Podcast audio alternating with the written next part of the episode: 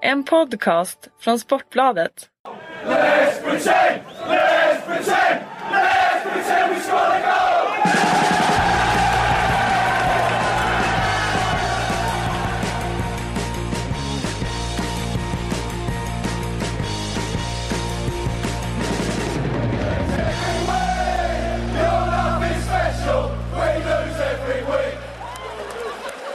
Ja, då hälsar vi hjärtligt välkomna till eh, säsongens sista Sportbladets PLP, Premier League-podden. Ehm, vi ska dela ut lite priser. Eh, med mig har jag Kalle Karlsson som vanligt. Det är ju det är du och jag som rattar det här. Eh, allt som de säger oftast. Ehm, jag har satt ihop en eh, massa olika kategorier. Jag har tagit ut tre stycken ehm, nominerad helt enkelt i varje kategori. Så får du helt enkelt skjuta ner då, tycka att det kanske finns någon annan som ska in där eller så får du välja en av dem så kan vi Okej. snacka runt det. Eh, så, sådana är reglerna. Jag hoppas eh, att eh, ha fått in lite kategorier och lite grejer ifrån er lyssnare också. Vi får väl se här hur mycket vi hinner med men, men ja, det, jag ser fram emot den här timmen ungefär det blir som vi kommer hålla på. Vi kan väl börja lite sådär lite avslappnat. Ska vi göra det? Ska vi köra igång med en gång? Ja, Det kör blir inget du, att hålla kör på du. Årets buse Vi börjar lite, vi börjar i den änden Okej. eh, Här kan vi inte bara liksom eh, hylla eh, spelmässiga prestationer utan årets buse, jag har plockat ut tre stycken Jamie Bar- eh, Joey Barton. Eh, Joey Barton är inte Nej. någon utav dem faktiskt, Nej. inte, jag tycker han har hållit sig ganska, ganska städad Ja, just var- på planen Ja, men det var ju inte bara planen sa du. Nej, eh, men årets buse, det här gäller dock planen, just den här kategorin eh, Zlatan Diego Costa och Marcus Rojo har jag lyckats få fram Okej. Ställer du upp på detta? Ja, motivera dina tre där så får jag se, höra hur du har tänkt. Eh, Zlatans eh, armbåge bland annat eh, Kommer vi ihåg den som han var avstängd för Det var ganska Den var ganska rejäl Den var brysk. eh, den, var, den var brysk och den var medveten och den, den, var, säga. den var stygg eh, Eh, Diego Costa hittade ändå tillbaka till, en, eh, till någon slags eh, form. Han är ju alltid Han prenumererar ju på sådana här listplaceringar. Eh, Tyckte han skötte sig väldigt bra under hösten. Nu på slutet så tyckte jag man fick se lite utav den Gamla Diego Costa komma, komma fram i vissa matcher.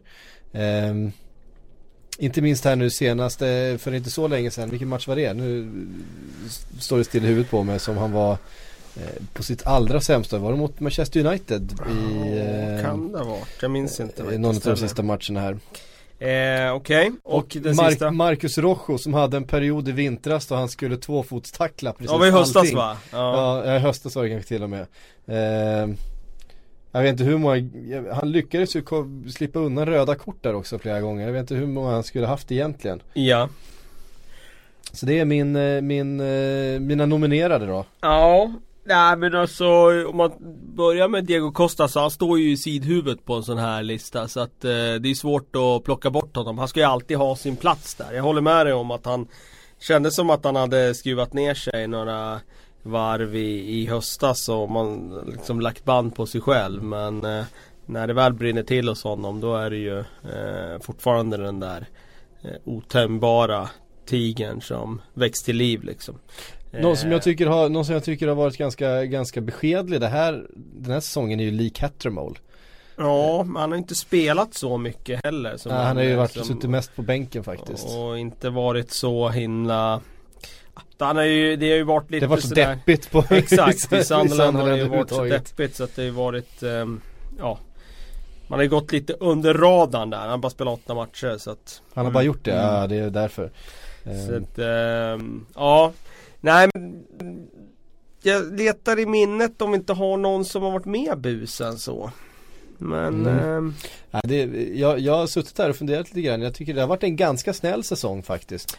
Ja eh, Jag kommer inte på någon mer sådär. Det, Du har ju tagit lite olika. Det är dels off the ball incidenter och dels är det Rojo då som vars spelstil meriterar honom för en Mm. plats här. Och Ja men jag, jag kommer inte på något bättre just nu här och nu men jag hojtar om jag kommer Vem väljer vi ut då?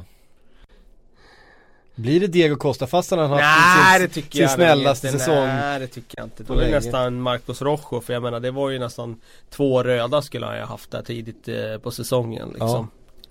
Så Rojo då? Jag tror han, jag tror han återkommer i en, i en kategori lite längre fram Okej, här. Ehm, faktiskt.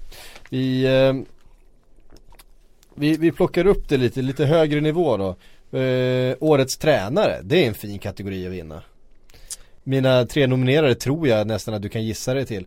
Eh, Pochettino, Conte och sen har jag faktiskt med Sean, Sean Dyche. Mm. För jag tycker att eh, eh, han har ändå gjort någonting som med, med Burnley som de aldrig har lyckats med tidigare. Det, det, det får man ge. Ja, Nej, jag tycker också att de tre är klockrena och jag eh, tycker inte heller kanske att Paul Clement ska med där för en väldigt kort eh, gärning. Eh, så att jag tycker att Han det, förtjänar ju ett omnämnande förstås. Absolut, absolut. Men det är en annan sak att förtjäna ett omnämnande. Jag tycker att det är de tre eh, herrarna du nämnde som ska vara nominerade. För mig är det ju Antonio Conte som är etta trots allt på en sån eh, lista. Jag säger trots allt för att jag vill verkligen slå ett slag för Sean Dyche och det han har gjort i Burnley. Det är ett väldigt, väldigt begränsat material. De Mm. har legat eh, Ja, i mitten av tabellen en stor del av säsongen, en betydande del av säsongen och de klarar kontraktet med marginal. De har ett eh, otroligt bra hemmafacit och då kan man säga ja men de har svaga borta. Jo, men det är Mm. De nästan, imponerande de att ha. nästan oslagbara hemma. Det är imponerande att ha gjort Mm. eh, liksom lilla Turf Moor till sin hemmaborg och vara så svårslagna som man har varit på hemma, hemmagräs. Så att, eh, jag tycker det är riktigt, riktigt starkt gjort. Ett organiserat lag, ett hårt arbetande lag, ett kollektiv och, och klara kontraktet med lilla Burnley. Det, är- det är en prestation. Pochettino har vi hyllat många gånger här. Eh, Mm, tycker definitivt att han har sin plats på listan. Jag tycker att han eh, eh, han framstår som för mig är redan nu en av de eh, absolut mest intressanta tränarna i världen. Om inte till och med en av de bästa faktiskt. Eh, det märker man för att han har alla olika delar av ledarskapet. Både man management, Precis. taktiska sinnet. Han, eh, han har eh, egentligen allt. Han är också klubb, alltså han är också lagbyggare. vilket man- Lagbyggare, klubbbyggare, han eh, skulle kunna, om han stannar i Tottenham, skulle han säkert kunna bygga någonting riktigt stort och hållbart på lång sikt. Så att, eh, eh, nej det är otroligt imponerande. Och sen såklart Antonio Conte för mig är ändå etta. Ja. Han tar över ett lag som slutade i mitten av tabellen i fjol, de vinner ligan. Och visst, det fanns ett väldigt bra material där, det kan ingen förneka att det fanns. Och, så det fanns en Eden Hazard som man bara behövde väcka till liv lite grann. Men han har gjort det, han har hållit Diego Costa Mm. eh, på tillräckligt bra humör för att han ska liksom hållas i tyglarna. Och han har hittat ett spelsätt som har eh, satt prägel på den här Premier League-säsongen och präglat Chelseas titel. Eh, Man ska komma ihåg också att han kom in sent Conte. Eh, menar han gjorde, spel, gjorde EM i Italien i, i somras. Vi har ju sett tidigare när tränare har kommit in sent på det viset. Kommer ihåg van Gaal i Manchester United till exempel. När han kom in efter att ha lett Holland då i VM. Hur det var liksom jobbigt för honom. De hann inte liksom få in de spelarna som de önskade. Han inte sätta sitt, sitt lag och, och, och fick ganska mycket respit tack vare det. Conte behövde ju visserligen eh, en och en halv månad i början på säsongen att få det här laget att bli till sitt. Men eh, längre tid än så behövde han inte. Nej, sen sen var- dess har det ju varit Contes Chelsea ja, har- verkligen. Ja det har det varit. Han har format det efter sin egen filosofi och e- efter sin egen liksom, tanke om hur fotboll ska spelas. Och de har verkligen varit solida på ett sätt som eh, man kan dra paralleller till hans Juventus, till hans Italien och Mm. eh, man ser verkligen att eh, eh, Conte själv personifieras av det här Chelsea. Mm. Ehm, årets målvakt. Eh, jag tror två, jag tror du kan gissa dig till eh, vilka tre ganska snabbt också. Eh, Courtois, De Gea och Pickford har jag valt. Ehm, ja, Courtois förstås, Chelsea vinner ligan, ser ett oerhört stabil ut. De Gea gör väl inte sin bästa säsong egentligen, men är ju återigen kanske Manchester Uniteds viktigaste spelare i, i ganska många matcher. Eh, och Jordan Pickford, jag menar trots att han spelar i ligans överlägset sämsta lag så framstår han ju ändå som en kvalitetsmålvakt. Det är inte lätt att göra i den miljön när man ändå, när man måste hämta boll i varenda match liksom Så är det. i, i Ehm, nätet. Det är väl en jag saknar där, det är Tom Heaton i Burnley som jag tycker har gjort Mm. en väldigt bra säsong. Räddat flest bollar i ligan. Eh, stått i ett bottenlag som får, eh, ja, väldigt mycket. Om du vill eh, peta ut någon av de tre då, vem skulle du peta ut och sätta in? Tom Heaton istället? Pek, petat ut Pickford och satt Mm. in Tom, Tom Heaton. Eh, sen tycker jag väl eh, att de Gea är väl den som Även denna säsong, även om han inte har varit lika bra som han var under Fanchal-åren där jag tyckte han räddade Manchester United i match efter match Mm. Så tycker jag ändå att han eh, kanske är den som sticker ut Courtois har gjort någon sån här riktig blunder här och där Han har Mm. räddats och det har överskuggats av Chelseas otroliga stabilitet och de har vunnit ändå och så vidare Men eh, jag tycker att de Gea kanske har varit den som har varit bäst Det som är, det som är speciellt med Courtois är också att hur han passar så bra in i det här spelet när, när Chelsea så tydligt tvingar ut motståndaren att slå de här inläggen och han plockar ju allt. Mm, han är plockar ju stark. verkligen allt alltså. Eh, där är det ju ingen som slår honom på fingrarna. Nej, just i luftspelet så har han ingen överman som jag ser det. Eh, oh, här kommer vi till en bra. Årets kapning. Nu, nu Kapning. jäklar, nu, gäll, nu gäller det att gnugga minnes, eh, minnesknölarna här men Ja.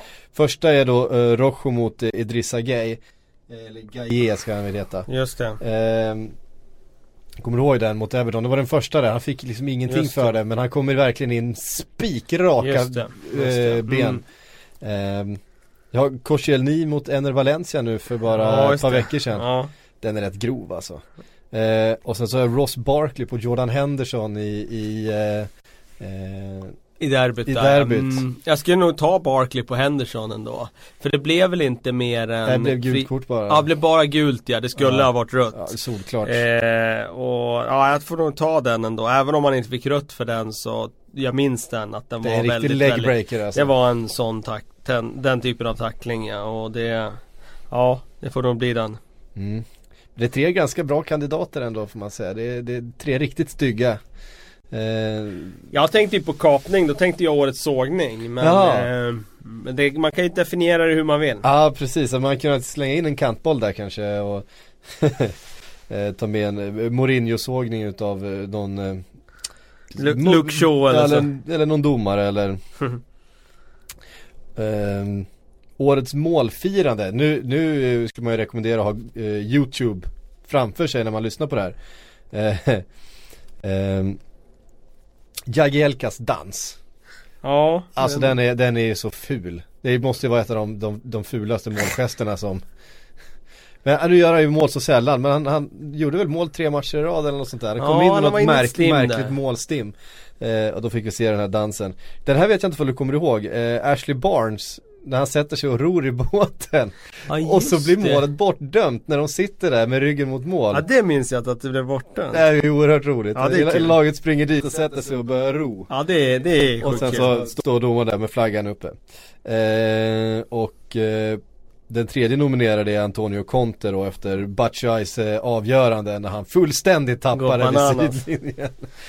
Ja men det måste nästan ändå bli Ashley Barnes. Jag ser ju det här framför mig även om jag inte min, liksom kommer ihåg det så uh, har jag sett det. Men uh, det måste ju nästan bli det. Alltså det är ju alltid komiskt när lag Ja, firar mål och sen blir jätteförvånade över att en flagga åkte upp eller att domarna dömt bort det eller vad det nu är. Mm. Ehm, ja alltså jag kommer, det måste varit någon, sån här, någon av de här matcherna som inte visades, någon sån här klockan fyra match för jag kommer ihåg att den dök upp som GIF på Twitter ganska snart efter. Den var ju, det är ju oerhört roligt. Ehm, och det här, den här är svår. Årets Wenger-protest. den här Brexit-skylten, kommer du ihåg i processen de har gjort Brexit då? Ja. Brexit, Brexit-skylten eh, Dubbelflyget. Ja, dubbelflyget, den det är den klassiskt. Den är svår, den, den, den kommer vara en klassiker för lång tid framöver. Eh, Men också Wenger out-skylten i Pepsi-reklamen. Kommer du ihåg den Pepsi-reklamen som blev så omtalad med eh, hon Kardashian eh, kvinnan där? I den folkmassan, i den här protesten som de ska föreställa någon slags politisk protest Så står det alltså en Wenger out-skylt. Ja, det är helt otroligt, Ja, det är sjukt. den, den smet sig in överallt Ja det är sjukt. Men eh, det måste ändå vara dubbelflygningen alltså. Ja det går ju inte att det först kommer ett, eh, ett flygplan med Wenger out och sen ett med Wenger in Alltså att de match. se seglar samtidigt i luftrummet liksom. Det, runt, det, det runt. spekuleras ju kring alltså att det är samma, alltså att det är samma flygplan. Så att han har haft två stycken beställningar. Så att Ja. han först har flugit med den ena flaggan. Åkt tillbaks till flygfältet, dumpat den första då, Wenger out. Och plockat upp Wenger in eh, flaggan. Det är ju det är ju ett stycke flygkonst skulle jag säga. Det är säkert ett bra gage också för han som har planet. Jag skulle tro det. Det har ju spekulerats kring att det inte finns så många i England som, som flyger med sådana här. Det är tydligen rätt svårt. Eh, att eh, det- måste nästan ha varit så här samma för att det finns liksom inte så många att tillgå som har Ah, rätt okej. typ av flygplan och som har den utbildningen. Eh, någon i eh, Arsenal supporterklack har i alla fall numret till honom. Eh, årets fiasko då. Det här är ju en bred, det här är ju en bred eh, kategori får man säga. Men vi har, vi har lite Ja. blandade fiaskon. Eh, första nominerade är Bob Bradley. Eh, Okej. Nästa nominerade är Joey Bartons karriäravslut. Okej. Eh, och tredje fiaskot är lånet av Bonny till Stoke. Okej. Nu får du, nu får du Ja, det finns ju många, Ja, det det finns ju många- många, här alltså Moussa Sissoko, eh, Tottenham, det är ju också ett dunderfiasko med tanke på vad man Det kommer betalade sen där. som, som, eh, Ja, som flopp- värvningar och så. Ja, just det. ja. Nej men du menar ju rent fiasko, fiasko här och jag måste ändå säga eh, Jag tycker att Middlesbrough är ett enormt fiasko den här säsongen som ändå kämpat så hårt så länge för att gå upp. Och sen går man upp och så gör man 27 mål på 38 matcher. Eh, när man ändå har Ja man har ändå en del offensiv kvalitet. Mm. Eh, ska jag säga oförlöst eller outnyttjad kvalitet. Mm. Det är ett dunderfiasko. Men eh, av de du nämnde, du hade ja, Barton är ju, det är ju ett antiklimax utan dess like. Ja. Avsluta en sån karriär. Nu har väl den karriären i och för sig då innehållit ganska mycket toppar Ganska och, många och många dalar. eh, så att eh, det var väl inte helt kanske konstigt att hans karriär avslutades på det sättet. Nej, alltså snacka om att, eh, alltså oförlöst potential där där personen Joey Barton har kommit till vägen för fotbollstalangen Joey Barton. För onekligen så har det ju varit en, en av ligans bästa, bästa fötter i, i perioder. Alltså inte minst den här Newcastle-sessionen där eh, eh, Carroll slog igenom och Joey Barton stod och måttade de där inläggen från, eh, från mittlinjen i stort sett på, på Carrolls huvud. Eh, där var han oerhört bra. Eh, Bradley, det är alltid någon sån där session, tränarsession nästan. Någon som kommer in och sen blir det ingen effekt. Så att det blir liksom bara ett Ja, det blir pyspunka på den där ballongen som man blåser upp. Eh, Det blir eh, Ja, vad ska man säga? Förväntningar som bara strimlas i tu. Och Han var ju, det här han var, inte ju också- byxad för det där jobbet till Nej, sen var det väl också det där med att eh, det som man kan säga då, det är ju ett fiasko för eh, jänkare i engelsk fotboll. Det här var liksom den första amerikanen som fick chansen att träna ett, eh, eller nordamerikanen ska man säga, som Mm. fick chansen att träna ett lag i Premier League. Och eh, det är klart att det sätter någonstans också ribban för vad som eh, vilka som kommer få chansen i framtiden. Jag tror att det kommer dröja nu efter den här sessionen. Så det kanske är Bradleys session i Swansea då. Det var inte många dagar va? Nej. 61 60 Det är någon klocka som ringer någonstans på det. Ja, det var inte mer. Nej det var inte mycket mer. Nej. Ja, nej det är klart att det det blev ju inte som man hade tänkt så. Vi var ju rätt många som var rätt skeptiska till den utnämningen också. Eh, det var ju någon slags konstig chansning. Eh, och det gick helt enkelt inte hem. Då vänder vi på det då. Eh, inte helt och hållet men vi, eh, vi kollar in bästa värvningen. Eh, här har jag tre stycken. Kanté, Mané och Wanyama. Ja Där finns ju fler som skulle kunna liksom petas in förstås. Absolut. Eh, Det finns det absolut och det där blir ju alltid någonstans att man utvärderar investeringen utifrån vad man har lagt för pengar och vad har klubben fått ut och så vidare. Men jag anser ju att N'Golo Kanté är central för Chelseas titel. Eh, det fanns mittfältare som kostade betydligt mer förra sommaren. Mm. Eh, han har ändå varit eh, en av ligans topp tre spelare den här säsongen. Han fick pris som den bästa. Tycker kanske att hans lagkamrat Eden Hazard har varit strået vassare. Men oavsett det så eh, har han varit eh, starkt bidragande till deras ligatitel. Och eh, för mig så är det säsongens värvning. För man tittar på hans prislapp idag. Om man skulle köpa loss Kanté idag. Så skulle vi prata hisnande summor. Och Ja. det innebär att hans prislapp har Tror jag mer än fördubblats på det här året. Ja, det har han gjort. Eh, inte minst för att han eh, Han är en speltyp som det är så ont om liksom. Ja det är svårt att hitta den spelaren som ska kunna gå in och göra samma sak. Det, Ja. det tror jag inte man gör. Nej. Ehm, och för eh, ja, Wanyama är ju en ganska lik speltyp på ett sätt. Eh, I alla fall på liknande position. De, de, eh, han är ju mer stor och, och, och eh, stor och stark på det sättet. Kanté är mer eh, löpstark och bollvinnare på, på ett annat sätt. Men, men har ju varit oerhört viktig för att få tyngd på Spurs mittfält. Absolut och han var ju inte så dyr heller. Så det var ju väldigt prisvärd värvning när Spurs fick köpa loss honom från Mm. SA-15. Så eh, det, det går att argumentera för, Mm. för många spelare på den där listan. Eh, Och jag, jag menar, vi har en Zlatan som kostar Ja. noll eh, och som Med Nej, hyfsad lön i och för sig. Hyfsad lön i och för sig men eh, eh, Han har varit med i skyttetoppen Ja. hela säsongen fram till sin skada. Han eh, Ja, det... Mané var ju med på listan här också, Ja. kommer ju in i lagets bästa spelare, bara det att man, man köps in, han är ju inte heller super super dyr. Det är klart att han eh, kostar mycket pengar. Eh, och för Liverpools mått mätt så är det ju, så är det en stor investering men, men eh, han kommer ändå in och är bästa spelaren och är också den som gör skillnad. Man säger att när han är på planen så får Liverpool en annan eh, Spets framåt. Ja men annan spets fram, men ett annat sätt att anfalla på Mm. också. Man hotar på ett, på ett annat sätt. Ehm, ehm, så därför, så därför, därför väldigt eh, nyttig. Eh, vem ska vi välja då? Det blir Kanté. Ja, ja, för mig är det Kanté. Ehm, årets back. Eh, ja, och Ja, då ska ja, vi ha både ja. ytterbackar och mittbackar då. Vi klumpar Ja, ihop dem jag, helt jag, enkelt. Jag menade egentligen årets mittback. Ja, Eh, det, det, det är det jag, eller årets centrala försvarare. Eh, var nog det jag tänkte på när jag satte ihop mina tre. Eh, för de är David Luiz, Jan Fertongen och Erik Bailly. Okej.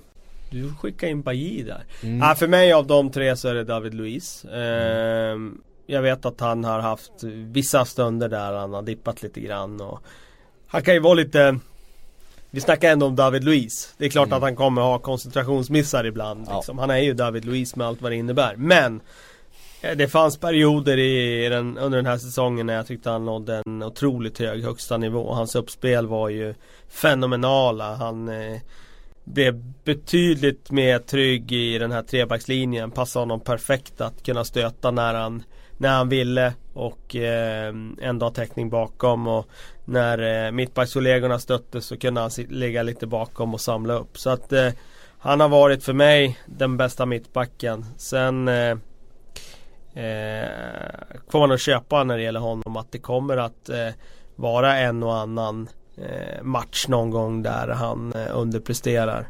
Men eh, ja, vilken utväxling de fick av den värvningen. För det var ju Ja. ganska många som satte frågetecken för Louise när han köptes tillbaka. Ja det, och det var ju även kommunicerat att det var långt ifrån första alternativet för, för Konto också. Att de fick liksom på något sätt nöja sig med Luis. Och ändå sitter vi här efter säsongen och, och, och pratar om honom som kanske den bästa backen i hela ligan. Ja, Eh, jag undrar om han någonsin har varit bästa back i, i ett sammanhang där han har spelat. Han har varit bra på mycket, David Luiz. Men eh, så här bra har han ju aldrig varit innan. nej det har han nog inte varit. Han har ju alltid varit en extravagant spelare som syns och så vidare. Men Mhm. Det är eh, inte alltid det är en fördel som mittback. Det kan också vara bra att gå under radarn och göra få misstag och inte synas. Mm, precis. Eh, årets Savior, årets räddare, eh, har vi tre då. Craig Shakespeare, eh, Paul Clement och eh, Sam Allardyce. Ja, alla tre ska ju ha sin fjäder i hatten. Det är ingen tvekan om det. Det är starka kandidater alla tre. Ja det är det. Eh, man får ju säga att... Men Marco Silva, lös, han klarar ju inte att rädda klubben då, men han, han, jag menar Ja, Vilket gör men- att han inte är med på listan. Nej, men menar, och det, det är återigen tillbaka till det där som jag hävdar. Det finns inget mellanting. Utan antingen är det succé eller så är det ett misslyckande. Och i Silvas fall så är det ju inte inget stort misslyckande. Jag menar han kommer till ett hall där alla redan har avskrivit deras chanser. Han organiserar deras försvar, det blir en klar förbättring. Men de åker ändå ur och då är det ingen som tänker på det. I det här fallet så hade vi tre herrar som lyckades med sina uppdrag. Craig Shakespeare tycker jag mm, gjorde det väldigt bra. Gå tillbaka till grunderna med Leicester. Och fick ju direkt effekt av det. Samtidigt så där fanns det ju ett bra material. De vann ändå ligan förra säsongen. Så jag, jag håller honom lite efter de andra två namnen här då.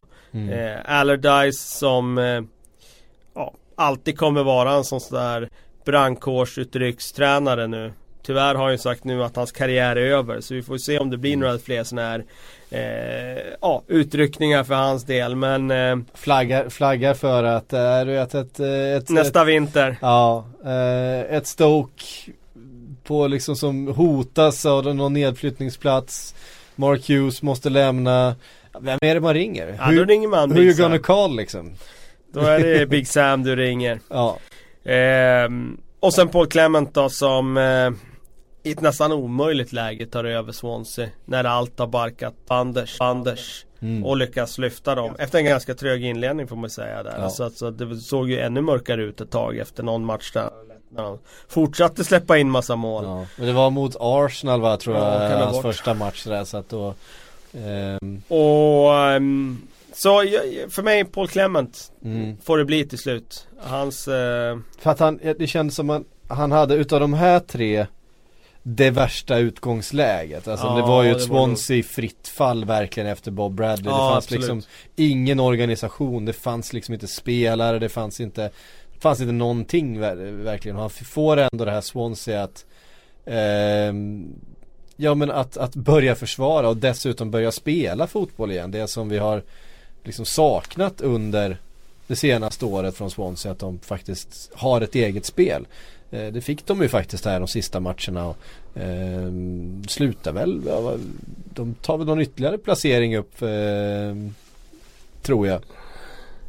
Jag minns inte vad exakt de slutar men, men Han slutar på det- 15 plats och de hade Ja. både Watford och Burnley efter sig ovanför strecket då. Precis, från det utgångsläget så eh, ja, det, det Jag tycker Swansea ska bli intressant att följa nästa Under Paul Clement där. nästa säsong under Paul Clement. Just med, med tanke på vad han eh, plockar in och hur han resonerar med sina ganska, ganska eh, skapliga kontakter ute i Europa. Se vad, han, vad det kan ge. Kanske inte ger så mycket, men eh, vi får se. Årets striker. Får inte klumpa ihop alla, alla forwards här. Eh, utan årets striker, ja, då är det ju Harry Kane. Det är svårt att inte plocka ner på en sån här lista. Eh, Diego Costa. Och eh, sen, sen så får man ju ta med en eh, Romelu Lukaku före Zlatan tycker jag ändå. Han, eh, han gör så pass mycket mål. Även om det är mycket av de här bonusmålen som vi varit inne på. Mm. Så, har, så gör han ju en förträfflig säsong eh, Lukaku. Ja, jag tycker ju att det är starkt att göra dem i Everton i den miljön. Mm. Ehm, men för mig är det, det självklart att det är Harry Kane som är nummer Ja. ett här. Är, han var skadad, han inledde lite trögt men det är han som vinner skytteligan. Det är han som snittar på nästan ett mål per match. Mm. Så det är eh, bara lyfta på hatten för en ny fenomenal Harry Kane-säsong. Är det den högst värderade spelaren i ligan skulle du säga? Ehm, ja, det beror på hur du värderar Eden Hazard. Hur, Mm. hur, vad kostar han om du ska köpa loss honom? Mm. Vad kostar eh, Paul Pogba om du ska köpa loss honom och struntar i att han kanske haft en lite trevande säsong i vissa perioder. Du tänker bara på hans marknadsmässiga värde. Eh, då kostar han också väldigt, väldigt mycket. Mm. Eh, ja. Vart skulle du ra- ra- ranka Harry Kane i världen? Eh, bland de strikersna som finns. Jag tänker på en Lewandowski, Suarez. Suarez, eh, Benzema, Higuain, Cavani. Jag tycker ju att eh, Harry Kane är med i den där skaran men jag, jag håller fortfarande Suarez som nummer ett.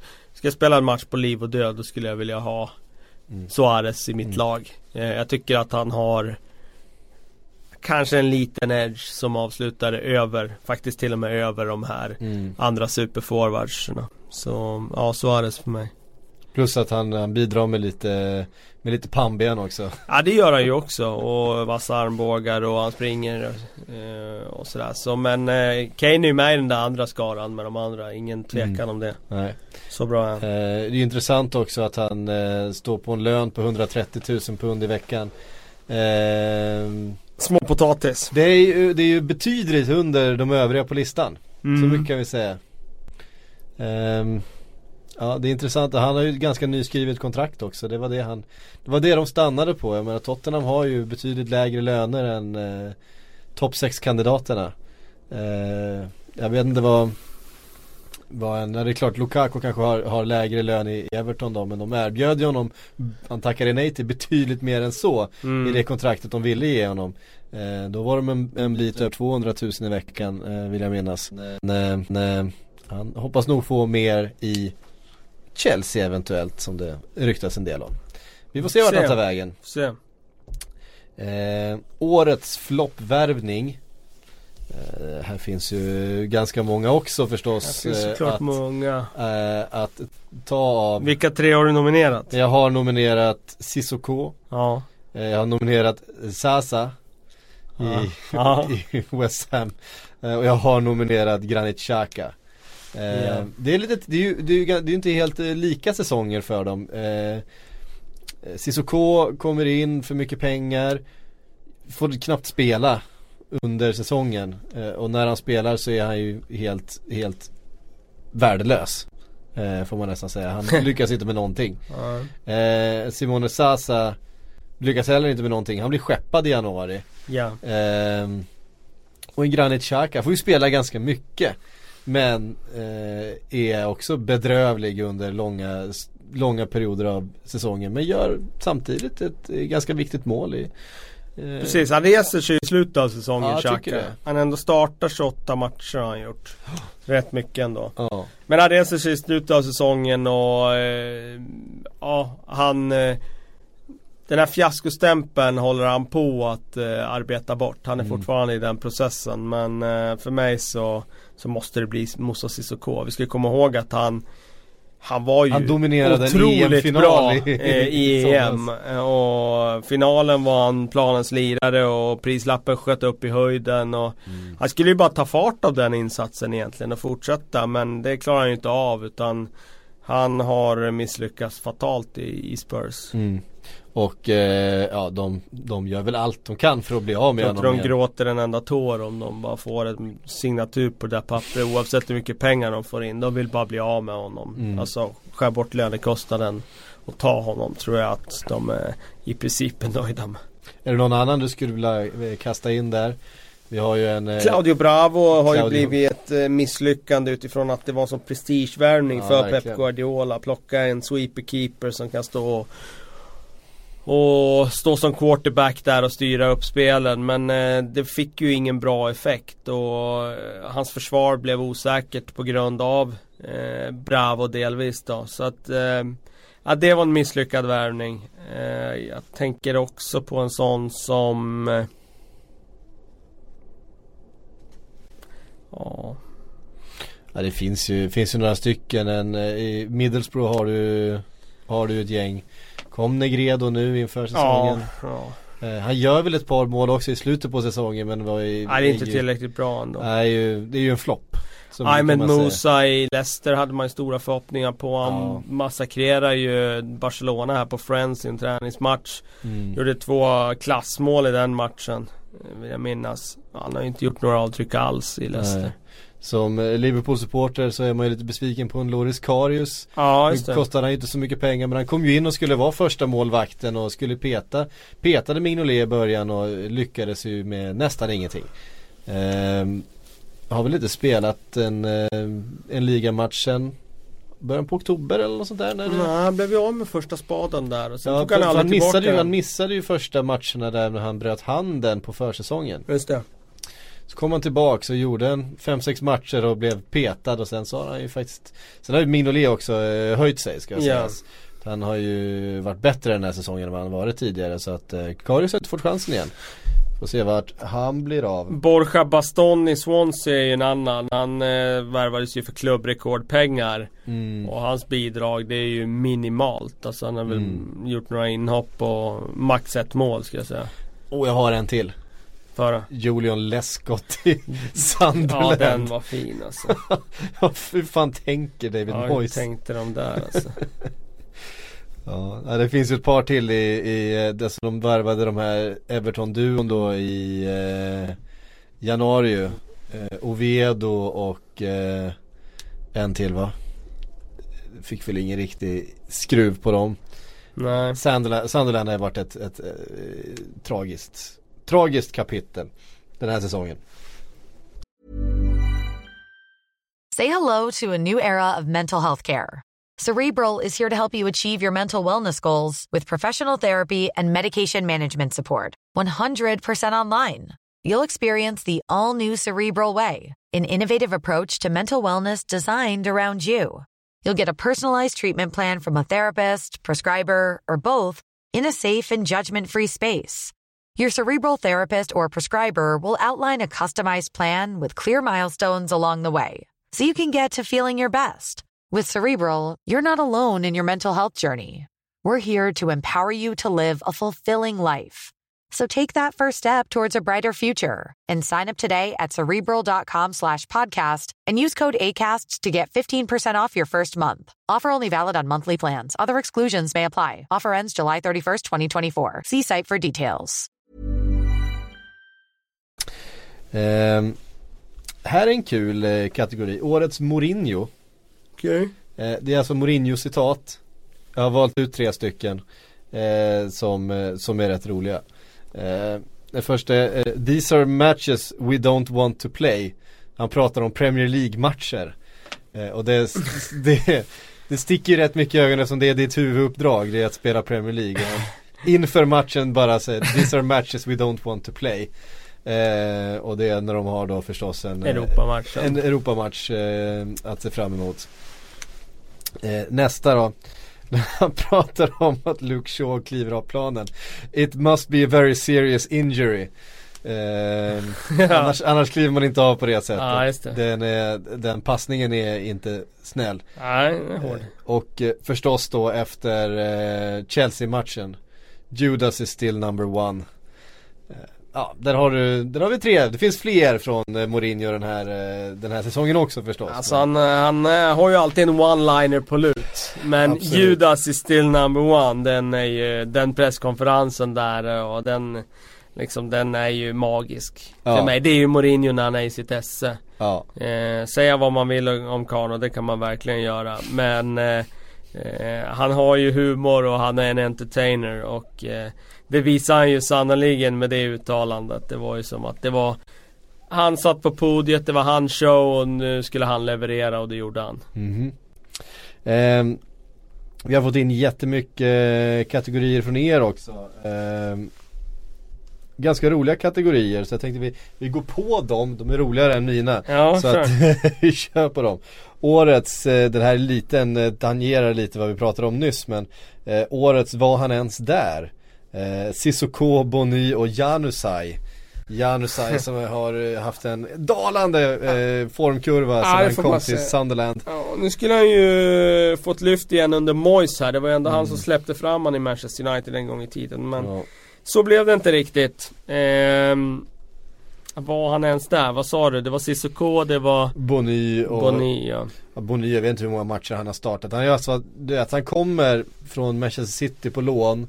Ska vara liksom eh, en av ligans bästa strikers. Har ett fantastiskt målsnitt när han kommer men blir ändå petad utav Crouch under hela säsongen. En 36-årig Crouch. Eh, det, det, är, det är inte bra. det är inte bra. Nej. Ehm, årets mest Sunday League-kompatibla spelare. Nej men det är väl alltid Charlie, Charlie Adam, Marcus Rocco eller Wayne Rooney.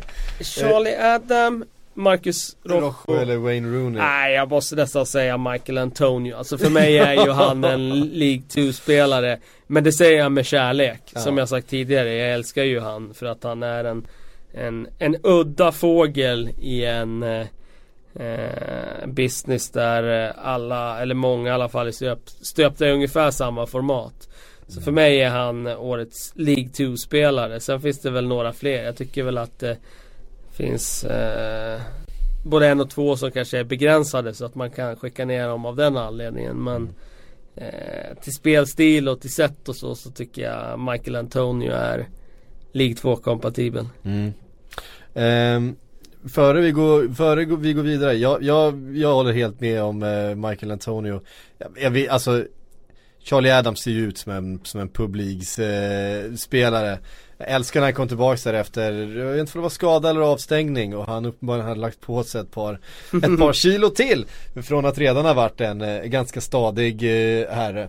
Eh, mm, det såg inte direkt ut som en elitidrottsman på, på den där nivån men Bra vänster fortfarande. Ja, fortfarande en stenhård vänster, det, det, det kommer han alltid ha.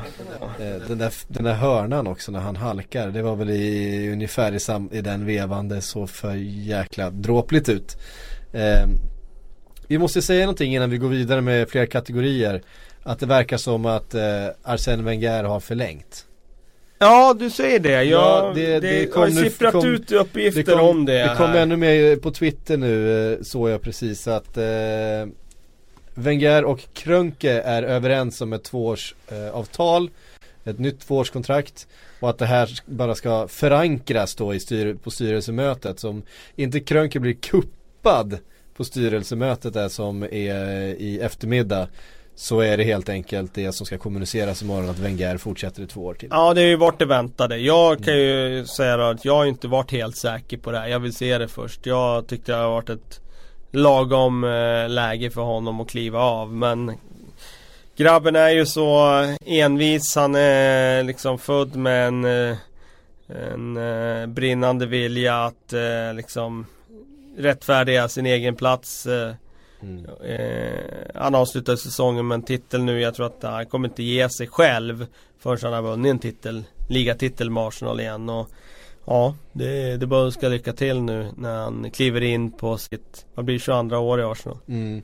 Jag 22 jag- säsong blir det. Alltså man får ju känslan av att han uppriktigt känner att ehm, eh, Eh, alltså han, han blir bekymrad för Arsenals del att det ska bli en för stor reaktion i det läget som är nu. Att han lämnar över ett, ett så för svagt eh, lag och att någon annan ska komma in och att det ska då bli eh, en för stor rubbning i balansen på något sätt eh, där på Emirates. För jag tror, och det finns, det tror nog, det det är nog alla rätt övertygade om att han, att han brinner för den här klubben och han vill klubbens bästa. Det finns liksom ingen, eh, han Ja, det gör, gör inte det här, jag tror inte han gör det här för sin egen skull utan han gör det här för att han är övertygad om att det är det bästa för Arsenal. Ja, men det tror jag också. Det tror jag också. Det är, inte hans eget om. ego som, eh, som, som styr här utan det, det är hans eh, känsla för att det är det bästa för klubben. Ja, han tycker själv att han är kapabel att vända den här trenden. Och, ja, han eh, De avslutade starkt, vilket De de, alltid, starkt. alltid gör. gör de alltid. Eh, nej, vi får se. raka segrar eller Mycket, var mycket det? handlar ju om vad som händer i sommar här. Mm. Eh, Framförallt vilka de ut. får behålla. Ja, kan vi spela ut. Det behövs definitivt spela in. Mm. Så att eh, vi får återkomma. Vi kommer få anledning att göra det garanterat inom kort. Mhm. Eh, då går vi vidare med lite fler kategorier tycker jag. Eh, årets värsta på att gestikulera vid domslut mot sig har vi fått från Viktor Hertzberg. Eh, han har Ander Herrera, Emre Can och Sebastian Larsson. Det Ah, Det, det är tre gnällspikar. Eh, Larsson var ju tidigare rätt gnällig sådär vid domslut så. Men han har ju också varit skadad och Mm. liksom så. Så att jag tycker nog Ander Herrera är en sån spelare som eh, eh, Jag tycker inte det är något problem om man reagerar om man blir verkligen orättvist eh, bedömd. Men jag har svårt att se de här spelarna som gör det när det är solklara frisparkar. Mm. Då är det bara att ta det och knipa igen truten och sluta gest- gestikulera liksom. Mm. Men när man gör det när det är solklara frisparkar då, då tycker jag det ser löjligt ut. Och han gör ju det. Alltid. Han, Han gör ju alla domslut. Ja, ja absolut. Så att eh, han är väl en, en värdig vinnare av den där titeln. Mm. Ehm, Niklas Svensson skriver årets oväntade succé. Eh, Rob Holding, Joshua King eller Heaton? Nej, jag tycker nog Joshua King då. Eh, han är ju ändå En begränsad fotbollsspelare ändå utlånad i ganska många svängar. Hit och dit. Och begränsad fotbollsspelare säger du. Han har uppenbarligen näsa för målet. Ja, den här säsongen i alla fall. Men att han skulle liksom vara skyttekungsmaterial där i Bournemouth det, det hade jag nog inte sett framför mig. Eh, det, så att för mig Joshua King. Mhm. Norrmannen Joshua King. Norrmannen ja, precis. Han var Det alltså var- utlånad till Preston North End, Borussia Mönchengladbach, Hull och Blackburn Innan han hamnade i Bournemouth. Och, eh, Och vad hade han för målsnitt eh, under de eh, säsongerna? Nej det var inte många mål. Det var inte många mål. Ehm, ska ju fronta det här Lasse Lagerbäck Norge som precis togs ut. Ehm, Hade de inte med Joshua King eller? jo då, Ja, jag han, väl. han ska ju fronta det här. Ja, Det- alltså fronten, ja ja, Ja. ja, ja sorry. Jag Absolut. uppfattade fel. Eh, däremot så undrar jag ifall Ödegård var med. Ja, man borde väl knappt vara med heller. Jag tror att han är petad. Ja. Eh, jag ska inte, jag ska inte tiffa på det, det var precis när vi klev in Dock här inte superkoll på norsk fotboll nu, landslagsfotboll. Det är Nej. inte det man har nu för tiden. Jag man kan- kunde jag det kan- på den tiden när det var jag- man- Tore André Flo där framme. Ja precis, och Riese och Solskär och Exakt. ehm, Nej det, jag kan två. det, jag kan Joshua King Du är tillbaka på- Ödegård. Men du är lite äldre än vad vi andra är, så du är väl tillbaka på Jan Mölby och, och Lite, vi är fan lika gamla Kalle. Sluta nu. Björneby. Björneby ja, exakt. Eh, vi har fått från Erik Götenfält, årets match. Är han sugen på. Arsenal-Liverpool, premiären. Eh, som slutade 4-3 till eh, Liverpool. Eh, Swansea Palace, den var ju helt, helt vansinnig. Ja. Jag kommer inte ens ihåg vad slutresultatet var där men det Nej men den var det var vansinnig liksom med vändningen fyra där. mål i de sista tio minuterna eller något sånt där. Ja, så var det vändning där. Ja men det var åt båda hållen Ja. där liksom, det var, ja. Och eh, tre, Bournemouth Liverpool när de vänder 3-1 underläge Till 4-3. Hemma, hemma eh, till 4-3 ja, precis Ja, Nej, jag måste nog välja Swansea-matchen där. För jag ja, kommer Swan- ihåg, jag, Swansea Palace jag såg inte slutet av den men man fick ju se det i efterhand sen och det var ju en helt galen utveckling på en fotbollsmatch. Så att, eh, och upphämtningar och vändningar det ser vi ju i vanliga eh, fall ganska ofta. Det, det blir ju någon sån per säsong i alla fall. Men just det här att det vände på det där sättet och så sent som det vände. Fram och tillbaka där. Det, det är sällan man ser. Mm. Ehm, Vi kastar in en till kategori här då. Här har jag inga bra nominerade men årets domare Tycker jag ändå vi, vi får ändå ge domarna. Nu har de varit som vanligt utsatta för ganska mycket kritik och Ja. så vidare. Men jag menar alla fans i alla ligor tycker att de har just världens sämsta Ja, domare. det. Det är det som Så är är så fascinerande. Ja, liksom. så Premier. League-supportrarna tycker att Premier League har sämst domare i världen. Fast La Liga tycker definitivt att de har sämst. Jag, För de är jag, inte jag, bra. Jag, skulle nog påstå att La Liga har sämst domare utav toppligorna i, Ja, i eh, och allsvenskan är det en jättedebatt om domarnas nivå i år. Ja, jämt. Ja. Fast jag tycker inte alls att domarna är speciellt dåliga i Sverige. Ehm, Nej, det... det är däremot väldigt svårt att vara domare. Ja det är svårt att vara domare. Jag tycker Michael Oliver är Englands bästa. Mm. Jag tycker att han eh, Han vågar ju också ta beslut oavsett om det är hemma eller bortaplan. Jag tycker att det har funnits domare förut som har varit så jäkla färgade av att de blir påverkade av hemmapubliken och sådär. Men nej, jag tycker nog att han eh, är den bästa. Mark Clattenburg är ju den som får eh, flest eh, stora internationella matcher. Det är han Tycker han vill ofta, synas lite för mycket i Klattenberg. Han har lite den, eh, lite den eh, Ja men tendensen. auran och sådär. Ja, precis. Ehm, nu tappar jag bort namnet här men en annan domare som har fått mycket, mycket stora matcher på slutet är ju han, vad heter han, den flintskallige? Eh, Andy eh, Det står helt still i huvudet på mig bara för att jag skulle Ja jag vet också vem du menar. Ja. Jag vet också. Mm. Eh, tycker jag också har gjort, eh, gjort det bra. Eh, det man har sett honom av. Eh, så jag har fått en fråga ifrån Erik Brissman. Eh, det var- den kom lägligt här. Årets besvikelse. Domarna. eh, är en utav dem. Robert Madley inom parentes. Eh, Uniteds spel eller Ragnar Klavan. Eh, det var hans nominerade till Årets besvikelse. Okej. Okay. Eh, det är lite orättvist mot Ragnar Klavan tycker jag. alltså, jag vet inte, Spela så, så mycket nej, Jag vet inte vilka förväntningar folk hade på honom egentligen. Han kom för 8 miljoner eh, pund ifrån ett eh, mittenlag i Bundesliga. Eh, för att fylla en för att, truppplats. För att fylla en truppplats, precis. Eh, han har ju visserligen inte varit speciellt bra. Men han, han började ju faktiskt ganska starkt. Ja, han gjorde några matcher där i början där, han var, där det ändå var lovande. Där ja, han och Matip höll ihop det ganska ja, bra. Ja, när man kände liksom att då, då, vi till och med pratade om honom som, som ett fynd liksom. Vilken, vilken smart värvning och sådär. Sen så eh, gjorde han några eh, ganska ödesdigra misstag och så så, så var det slut på det snacket. Så var det slut på det snacket och sen har han inte fått spela nästan någonting sen dess. Ah, sen eh, Lukas Leiva som har gått ner och vikarierat där, gått före i, i kön. Eh, Uniteds spel, ja, det, jag vet inte ifall man skulle haft några andra förväntningar när det är Mourinho som rattar Men ändå man lite, lite lägger lite de högre, pengarna lite och sådär. Ja. kanske man ska ha. Eh, det är klart att det är Manchester United vi pratar om. Um, Domarna. Ja det får väl bli dem då. Av de där tre så tycker jag nog det var dem ändå. Ja. Eh, här har vi en väldigt, eh, en, eh, vad ska man säga, en eh, ensidig eller en lite bias eh, kategori. I alla fall de nominerade. Eh, årets mest foto, fotogeniska, fotogeniska Emre Can, Gini Wijnaldum eller Loris Karius. De tre Liverpool-spelare. Eh, men ska man ta en sån lista så är det svårt att bortse från Emre Can och Loris Karius. Det, det, det, där, vill jag ändå, för jag får väl peta in en Giroud ja, du, du får svara på den här frågan själv. Att ta den. Eh, det är mitt ämne. Ja det är Så kan man säga. Eh, jag byter ut Gini Wijnaldum mot en, eh, mot en Giroud där istället då som är en Eh, en kille som gillar att ställa sig framför kamerorna och slänga upp sitt leende. Eh, den tar vi. Ja vi har ju kategorin årets mål förstås. Jag har liksom eh, inte valt ut några, eller några nominerade direkt här för att det finns rätt många att prata om. Men vi fick från Lukas Larsson årets skorpionspark, eh, Mkhitaryan eller ja, Giroud.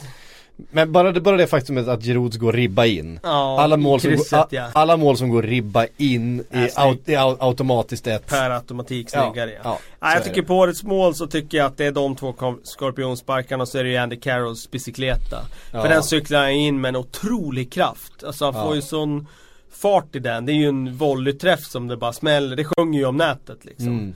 Så det är, för mig är det Carroll eller så är det Giroud och jag har nog fastnat för Giroud. För man ser inte den typen av mål eh, liksom, Det är en gång på tio år. Mm. Cykelsparkar som eh, man får bra träff på, ja men det ser man i alla fall en, en per säsong. Men Girouds mål med uppbyggnadsspelet av, av liksom sista spelet runt sista tredjedel, mm. klacken där på mittplan och det och sen hans avslut blev det estetik som gjorde att eh, det kan vara det snyggaste målet under hela Premier League-eran faktiskt. Mm. Eh, ja, jag är beredd att hålla med. Eh, just med, med upprinnelsen, med omställningen. Mm. Eh, jag är också oerhört svag för Dimitri Payets eh, solomål där i början på säsongen. När han, nu kommer jag faktiskt inte ihåg vilka det är han gör det mot. Om det är eh, Crystal Palace möjligtvis när han han fiskar upp bollen själv. Jag tror han dribblar sex spelare eh, innan han eh, lurar alla och vänder tillbaks den. Han kommer från vänstersidan. Har dribblat sig in, tagit sig förbi ja, sex spelare tror jag. Sen så vänder han tillbaks skottet och rullar in den i då Just det som blir första stolpen. Eh, helt otagbart.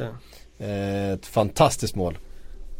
Det är inte heller... Var det bättre än eh, Zlatan mot denna Breda? Tveksamt va? Nej det är ju, det är ju ännu ett snäpp men där, vi, då pratar vi också något av liksom de senaste 20-25 årens vackraste mål. Ja, jo, eh, jo.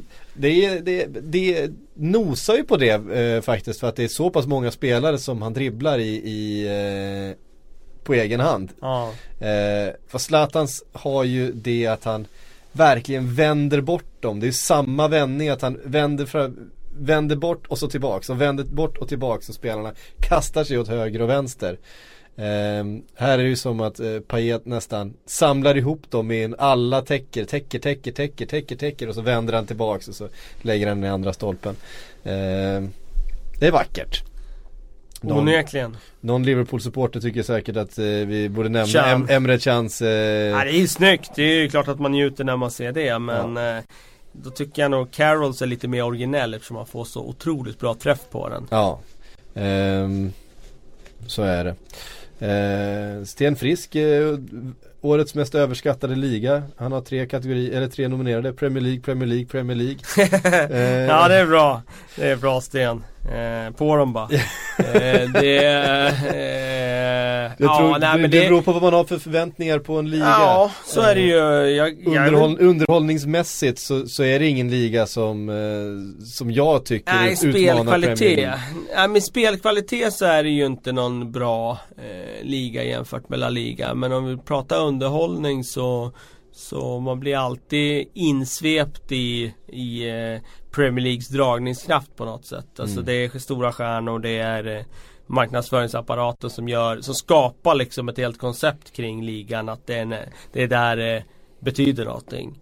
Mm. Eh, men jag är den första som har slagit fast att eh, eh, spelkvaliteten i Premier League de senaste åren den har inte varit bra. Den har inte Nej. alls varit som den var tidigare och det syns i Europaspelet också. Så att jag förstår ju vad Sten syftar till men eh, det är fortfarande tillräckligt roligt för att man ska slå på TVn och kolla på matcherna och det är många som gör det vecka ut och vecka Mm. in år efter år så att eh, Attraktionskraften har ju inte sjunkit. Nej. Den har ju vuxit. Ja, och det, det är det jag menar att det finns ju fortfarande där. Mm. Eh, så att eh, någonting måste de göra rätt. Mm.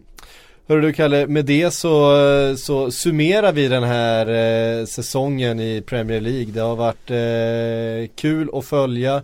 Jag tror att det här också är första säsongen i en era vi går in i med den här toppsexan.